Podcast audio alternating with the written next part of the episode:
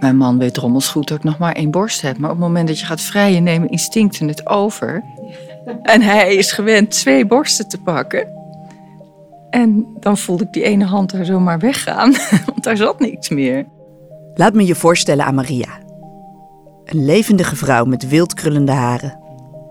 Je zou het niet zeggen, maar Maria is 66.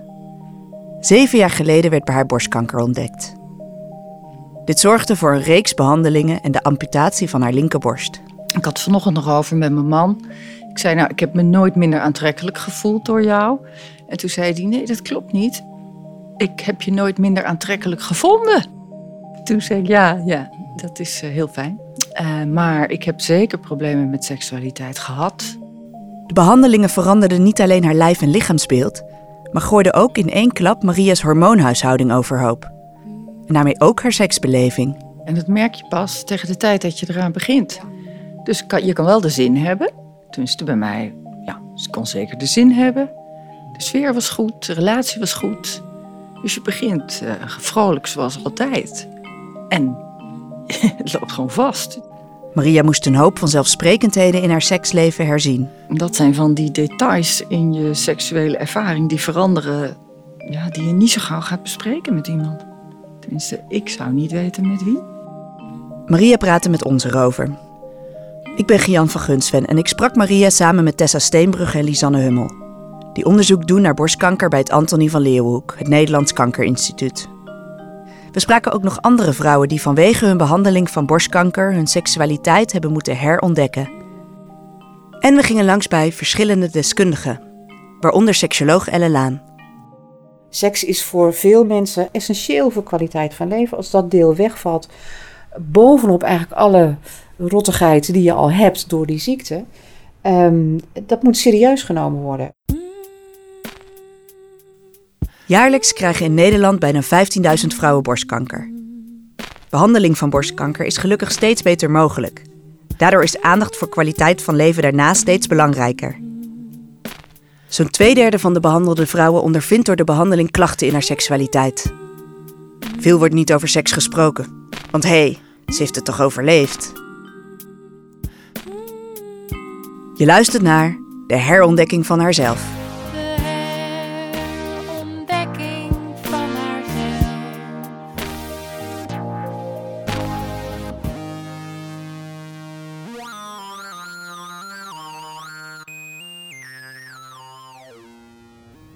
Ik wil Inge en Roeland aan je voorstellen.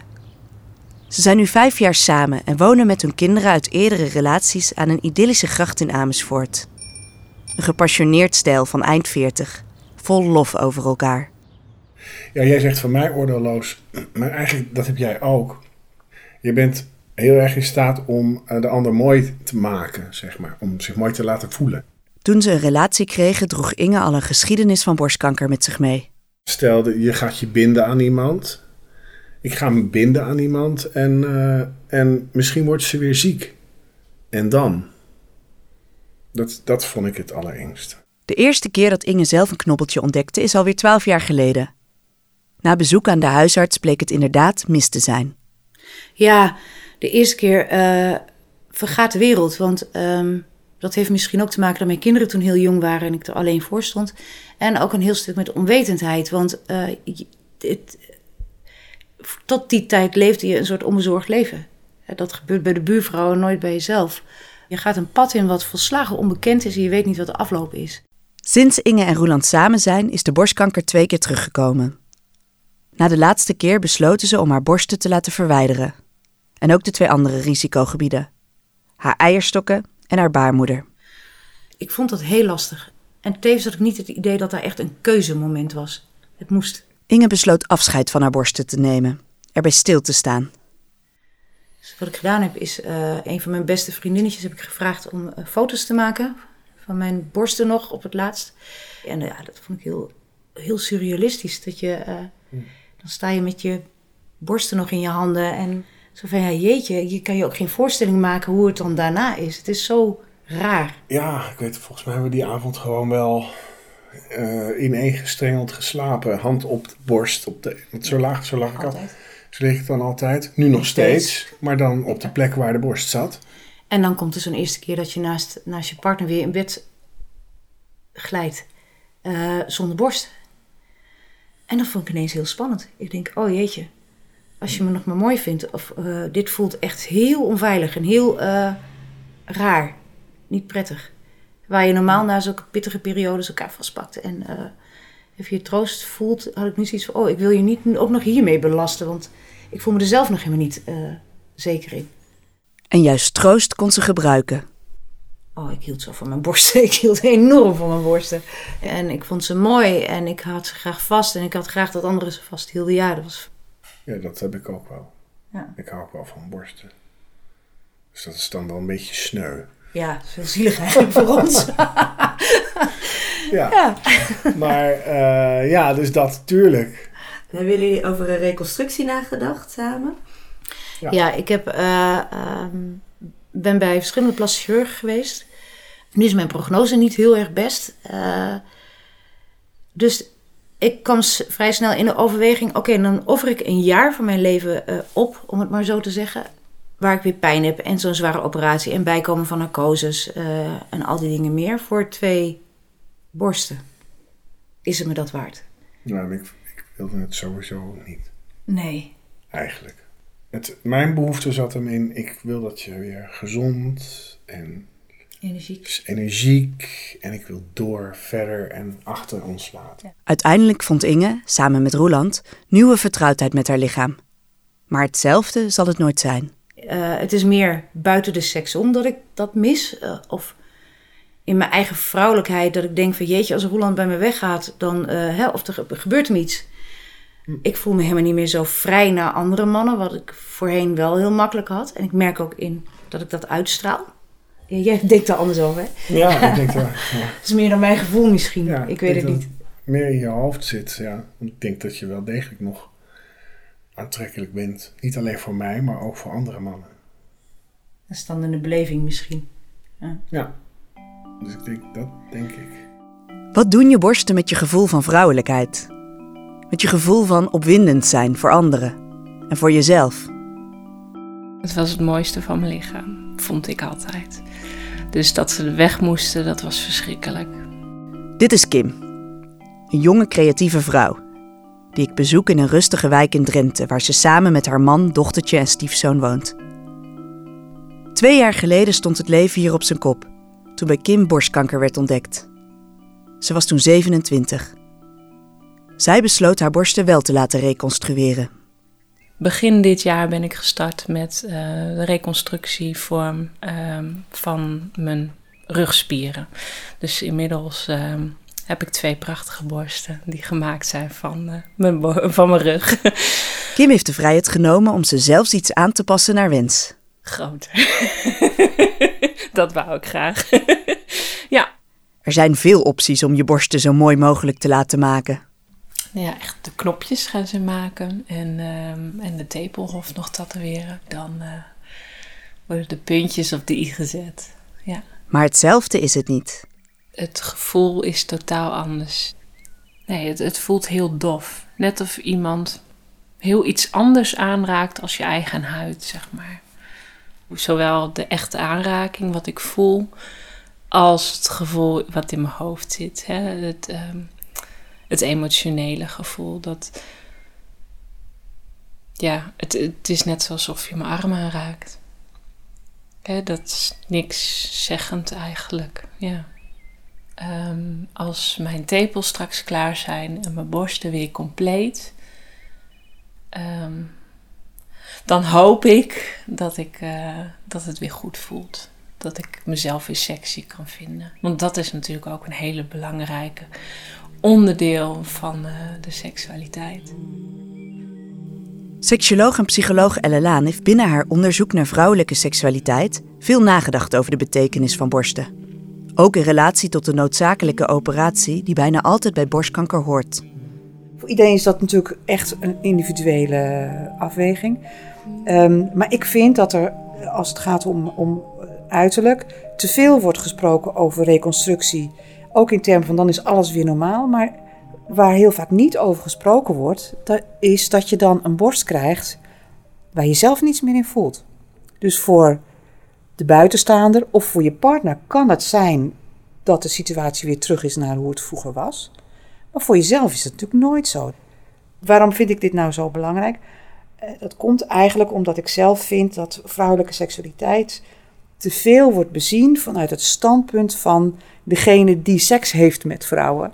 Eh, waarmee ik bedoel, vrouwen zijn vaak toeschouwer in hun eigen seksuele spel. Ze zijn vaak meer bezig met hoe zie ik eruit dan wat voel ik zelf eigenlijk. En als dat zo is, ja, dan ben je natuurlijk ook heel erg kwetsbaar voor het effect van borstamputatie. Want dat doet dan direct af aan je eigen gevoel van sensualiteit. Wel, voor goede seks is het vooral van belang dat je goed kunt voelen. Te midden van al haar onderzoek naar vrouwelijke seksualiteit kreeg Elle een paar jaar geleden ook zelf borstkanker. En heeft nu alle behandelingen achter de rug. Je gaat pas nadenken over wat is me eigenlijk gebeurd op dat moment. In, in die behandeling zelf, dat is echt een rollercoaster. Elle kon twee keer borstsparend geopereerd worden. Maar als de borstkanker terugkomt, kan dat niet meer. Ze heeft zich voorgenomen dan geen reconstructie te willen. Weet je, ik heb al die rotziekte gehad. Waarom moet ik me blijven aanpassen aan dat schoonheidsideaal? Nou kan je zeggen, oké, je hebt makkelijk praten, je hebt je borsten nog. Maar ik vermoed dat ik het zou kunnen accepteren dat ik ze niet meer heb. En andere vormen vinden van seksualiteit die uh, me zouden helpen om nog steeds wel een seksueel wezen te kunnen blijven. Dus zelf seksueel zijn in plaats van per se sexy zijn.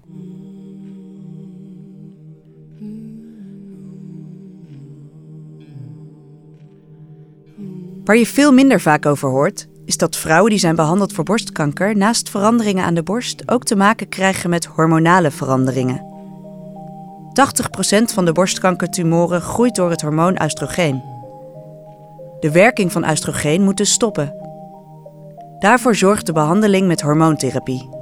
Nachtelijk zweten, opvliegers, is, uh, als je het dan relateert naar seksualiteit, is heel lastig. En als we tegen elkaar aanliggen, dan liggen we net echt zo super lekker. En dan, dan breekt het zweet me uit en dan is het dan niet meer lekker. En dan denk ik, nou, daar kan ik dan zo van balen. Dan denk ik, oh, ik wil het niet nu gewoon. Bovenop de hormoontherapie worden de eierstokken, de belangrijkste fabriek van oestrogeen, soms stilgelegd. Soms worden ze ook aangetast door chemotherapie. En soms worden ze helemaal verwijderd, zoals bij Inge. Uh, dat vind ik heftiger dan het gemis van mijn borsten. Um, je komt direct in een overgang terecht. Um, met een hele hoop dingen die daarbij horen. Dat zal voor iedere vrouw anders zijn, denk ik. Je moet jezelf weer een beetje opnieuw uh, ontdekken of zo. Hè? Uh, je, je, reageert op dingen waarvan je denkt, waarvoor reageer ik daar dan zo ineens op? Op die manier. En dan had Inge nog het geluk dat veel klachten haar bespaard bleven. Wat veel vrouwen rapporteren, uh, is dat ze na borstkanker problemen hebben met zin in seks, met opgewonden worden en blijven. En dat kampen met uh, vaginale droogheid. Wat ik wel denk is dat heel veel van die klachten eigenlijk helemaal niet specifiek zijn voor vrouwen met borstkanker. Over het algemeen zijn vrouwen met borstkanker die zijn of komen in de overgang door de behandeling. Ik zou me kunnen voorstellen dat, uh, dat ze eigenlijk als het ware allemaal tegelijk op je afkomen. En dat dat de impact ook, uh, ook groot maakt. En dat is dus ook impact op hoe je opwinding ervaart. Als je nog niet in de overgang bent dan, en nog voldoende oestrogeen hebt, dan is je vagina eigenlijk altijd een beetje vochtig. Dat betekent dat je zonder al te veel opwinding wel in principe vaginale penetratie kunt hebben zonder al te veel pijn of ongemak. Of het er lekker van wordt, is maar zeer de vraag. Maar heel veel vrouwen zijn toch gewend om in langdurige relaties, waarbij uh, heteroseksuele seks vooral bestaat uit vaginale penetratie, uit geslachtsgemeenschap. Om ja, toch vaak ook uit een soort liefdesethos te denken van oké, nou, ik heb nu weliswaar niet zoveel zin, maar het is belangrijk voor mijn partner en ik hou van hem. Uh, en we hebben een relatie, seks hoort erbij. Als je je oestrogenen verliest, dus die niet seksueel opgewonden, dus of niet aan seksueel opwinding gerelateerde vochtigheid verliest, dan kan je dus opeens niet meer zonder problemen gemeenschap hebben. Um, nou, ze hebben verteld dat ik in de overgang zou komen. En nou ja, daar horen de opvliegers bij, et cetera. En Eh, nou ja, het, het feit dat je nu dus geen kinderen kunt krijgen op dit moment. Maar ehm, verder eigenlijk niks. Dat kwam pas toen ik zelf onderzoek ging doen en naar de gynaecoloog ben gegaan. En die vertelde, ja, jouw lichaam is nou als een 50-jarige, zeg maar. En die hebben nou eenmaal minder seks. Daar kon ik het mee doen. Dat zijn de woorden van de gynaecoloog. Ja, verschrikkelijk. Wat was je reactie? Ja, ik moest heel erg huilen. Ik dacht, dat kan toch niet? Dat alle 50-jarigen, dan is het maar in één keer over. Dat vond ik zo raar. Dat, ja, dat vond ik verschrikkelijk. Nog steeds. Hoe zou je jezelf dan beschrijven met je verhouding tot je seksualiteit voordat je ziek werd? Ja, ik ben al heel lang samen met mijn man. Maar we hadden een goed seksleven. We waren experimenteel. We zochten telkens weer nieuwe dingen hè, om, het, om het leuk te houden. En ja, dat is nu totaal weg. Wat is weg? Nou, de vrijheid eigenlijk. Omdat je heel erg beperkt wordt. Omdat ik ten eerste geen zin heb. En ten tweede omdat ik zo droog ben. Dus als ik dan eenmaal zo ver ben, dan uh, hè, opgewonden genoeg ben, uh, dan wordt het ook vaak binnen een paar minuten wordt het weer droog.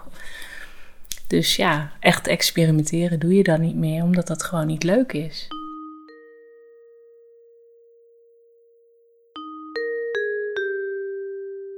Voor veel vrouwen voelt hun lichaam voor de diagnose amper anders. Het is de behandeling die uit de diagnose volgt die een enorme impact heeft. Maar minder oestrogenen en minder vaginale vochtigheid hoeft niet per definitie een einde te betekenen voor je seksleven. Want als je voldoende aandacht besteedt aan opwinding, als je weet, oké, ik moet gewoon de tijd nemen om voldoende opgewonden te worden, want dan word ik vochtig, dan raakt mijn clitoris gezwollen, ehm, dan ben je weer net zo vochtig als wanneer je jong was. De klachten die optreedt, vaginale droogheid na de menopauze, dat is eigenlijk dus een opwindingsprobleem. Tenzij bijvoorbeeld door chemotherapie uh, je eierstokken zodanig zijn beschadigd dat het zou kunnen dat je daardoor niet meer voldoende testosteron produceert. Als dat zo is, dan denk ik heb je veel meer seksuele problemen dan wanneer dat niet zo is. Omdat testosteron maakt dat je nog gevoelig bent voor seksuele prikkels. Zonder testosteron is het echt wel heel wat lastiger. En wat raad je deze vrouwen aan? Dan raad ik ze aan toch om het vrije ja, op een andere manier aan te pakken. Vrije niet meer gericht op vaginale penetratie, maar op andere manieren om te kijken of je zelf het nog fijn kan hebben. Uh, dat wordt makkelijker als je voor je ziekte ook eigenlijk al wel heel goed wist hoe je opgewonden zou kunnen worden. Um, wat ik dus nu echt belangrijk vind, is het knuffelen, het aanraken, um, het zoenen. Kan je een beleving van seks voorstellen zonder ooit nog penetratie? Nee. Nee, dat vind ik heel moeilijk. En ik hoop ook echt dat dat weer terugkomt. Want dat mis ik wel. Natuurlijk veel voorspel, maar absoluut ook penetratie. Ja. Want dat hoort er wel bij, vind ik. Ja. Ideale dieren heb je niks aan in bed. Die kan je gewoon best in de pullenmond uh, gooien, maar gewoon zelf ontdekken. Zonder een vooropgelegd script. Van zo zou het eigenlijk moeten, want ik denk dat iedereen het zo doet. Als je ja, geduld met jezelf hebt, als je compassie met jezelf hebt, als je uh, tijdens het, het vrije ook geen haast hebt, uh, als je je lichaam goed kan ontspannen en jezelf toestaat om misschien ook een wat passievere, nou laat ik zeggen, een ontvangendere rol te hebben in plaats van een gevende rol, dan zou het zomaar kunnen dat je eh, ontdekt dat je nog wel degelijk seksueel gevoelig bent. Dus ik vind dat vrouwen echt voorlichting moeten hebben over wat hormonen doen op seks. Ehm, wat er kan gebeuren uh, als jij inderdaad je eierstokken niet meer hebt. Um, zodat je je daar van het begin af aan aan kan aanpassen. Het klinkt bijna eenvoudig als Elle het zo zegt. Maar de realiteit, zo weet ook Elle, is weer barstiger. Ik bedoel, naast de hormoontherapie of operatie heeft ook je leven op de kop gestaan. Je bent ziek geweest en geconfronteerd met allerlei angsten en zorgen. En als alles enigszins achter de rug is, blijkt je niet zomaar terug te kunnen naar de seksualiteit van daarvoor. En dat heeft ook invloed op je relatie. Mag ik je tot slot voorstellen aan Sam? Je begrijpt zelf niet wat er aan de hand is, maar ook onbegrip van die partner die daar is, die door de tijd heen dan wel denkt van en nu is het, kan eigenlijk allemaal wel terug beginnen, want het is toch gepasseerd en dat je merkt dat, het, dat de chemie van je lichaam niet meer klopt en dat je er zelf ook geen uitleg voor hebt. De 46-jarige Sam bezocht ons met haar bestelwagentje, die ze als camper heeft ingericht. Het is een mix van vrijheid en veiligheid voor haar. En bovendien handig om in te slapen als ze geen energie meer heeft om terug te rijden. Ik kom, dat hoor je aan mijn taal, uit Vlaanderen. Bij mij is borstkanker geconstateerd toen ik 41 was. Uh, het was een hormoongevoelige tumor. Uh, die operatief verwijderd moest worden en de borst moest geamputeerd worden. Dus dan heb ik een, de hele behandeling met chemo uh, ook moeten hebben. We vonden Sam via een fotoreportage waarin ze trots haar veranderde lichaam poseert. Want ik vind ook dat dat taboe uit de wereld mag geholpen worden dat wij verminkte mensen zijn. Ik vind het helemaal niet, eerlijk gezegd. Zo voel ik mij niet. De operatie aan haar borsten had op haar de minste impact. Ik was van in het begin, van zodra dat de ingreep was gebeurd, wilde ik al piepen onder het verband van uh, hoe zie ik er nu uit. De hormonale veranderingen hebben wel veel invloed gehad. Eigenlijk was het bijna een foltering. Dus dat doet ook iets met je geest. Niet alleen met je lichaam, dat doet gewoon ook iets met je, met je mentaliteit rond, rond seks en rond vrijen. En dat zorgt er wel voor dat je uit zelfbescherming, denk ik, ergens een, een deur minder openzet. En dat had weer gevolgen voor haar relatie. Wij hebben geprobeerd om afspraken te maken. Als zij zin had in vrij en ze kon het ook niet begrijpen dat ik die zin niet meer voelde, uh, dan was de afspraak dat ze het voor zichzelf in orde maakte, zal ik maar zeggen. Zichzelf op een of andere manier dan toch probeerde te bevredigen. Zodanig dat we dan uh, nadien op een, op een, uh, een minder verlangende manier, kan ik dat zeggen, of een minder streverige manier naar dat orgasme, toch op een, op een, op een fijne manier zouden kunnen samen zijn. En zo voelde het bij mij wel. Maar dat was een van de probeersels. En uh, um, uiteindelijk is dat dan gebleken dat dat voor haar veel te moeilijk was. Daarom had ik ook aan mijn partner voorgesteld van zoek een seksmaatje om jouw honger te bevredigen. Ik heb dat ook op die manier um, verwoord. Ze is een beetje op eigen houtje op zoek gegaan en heel snel gevonden.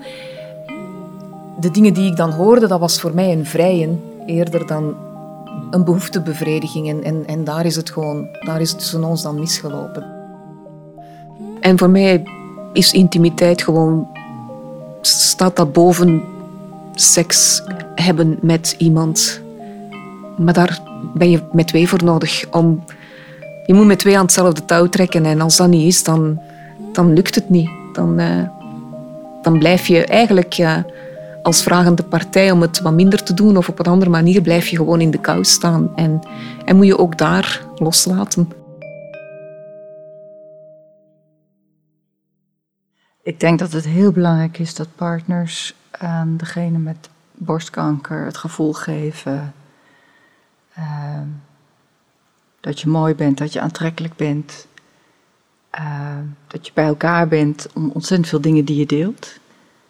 Om, zodat je niet in die trechter komt van de seks moet lukken, de seks moet vaak genoeg lukken, anders gaat hij zijn heil misschien bij iemand zoeken met twee prachtige borsten. En die heeft dus niks. En die heeft ook niet de kans dat het nog terugkomt en dat je die leidersweg daar samen door moet maken. Dat je nog een keer ervoor moet gaan met elkaar. Als die relatie overleeft. Hoe we als vrouw gewend zijn om onszelf van buitenaf te bezien, kan ons dus extra kwetsbaar maken voor de gevolgen van borstamputatie. En de tijd die we niet altijd maken om goed opgewonden te worden, kan ons opbreken als ons lichaam ineens bepaalde hormonen mist. En dan moet je ook nog samen aan hetzelfde touw zien te trekken. Ons meer naar binnen richten, naar ons gevoel, zegt Ella Laan dus. Ontspannen en op herontdekking gaan. Mijn persoonlijke ervaring is dat zo'n ziekteproces eigenlijk ook wel positieve dingen met zich meebrengt. ik merk dat ik veel meer compassie heb gekregen voor mezelf. Dat kun je ook meenemen in de manier waarop je seksualiteit uh, beleeft. Dus dat je niet meer zoveel hoort van jezelf, maar veel meer mag. Ook in seksualiteit veel meer mag ontvangen dan vastzitten aan de scripts die misschien wel voor je werkten voordat je ziek werd, maar misschien nu niet meer voor je werken. Dus echt steeds voelen dat ik meer ben dan ja, dat ene plekje op mijn lichaam waar zoveel veranderd is en waar helemaal niks meer uh, gebeurt, lijkt te gebeuren.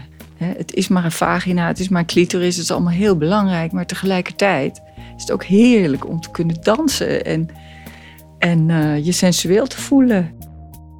Ik kan best zonder seks, maar vind maar een partner die op, dezelfde, op hetzelfde niveau dan staat. Ja. En het, het feit dat ik geen borsten heb, is voor mij ook geen probleem. Ik voel mij nog even aantrekkelijk. Maar dan weet je natuurlijk voor een volgende toekomstige eventuele partner... weet je ook niet hoe dat die daarop gaat reageren. Ik wou ook dat ik nog een seksleven had waar dat allemaal gewoon kon zonder erbij na te hoeven denken. En zonder er superveel moeite voor te hoeven doen. En dat is voor mij is dat ook heel lastig geweest, want ik wist het ook niet waar ik behoefte aan had. Dat is ja een kwestie van ontdekken, samen ontdekken. Ik denk dat je een uh, openere blik, of minder in taboetermen met seksualiteit omgaat. Uh, creatiever probeert te zijn. Uh... hoort dan mensen zeggen, je wint zoveel met kanker dan ook. Nou, duidelijk zijn, ik had het liever nooit gehad. Ik had liever gewoon het onbevangen, onbezorgde Inge gebleven, zeg maar. Ja. Maar dat is niet. Ik denk dat dat heel veel kracht is. Dat je uh, je niet zozeer laat uh, beïnvloeden door de situatie zelf, maar veel meer samen gaat zoeken in hoe je ermee om kan gaan.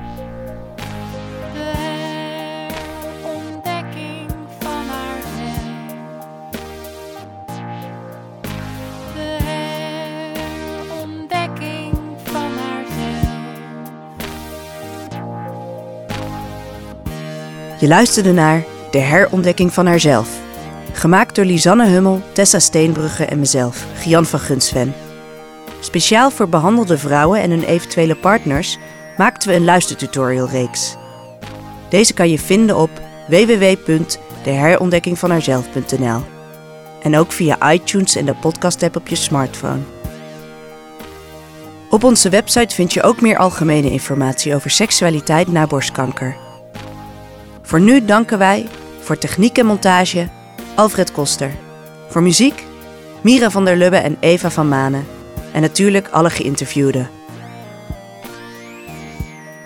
Deze podcast is mede mogelijk gemaakt door Memides Pharma, Ropa Run en het Antonie van Leeuwenhoek.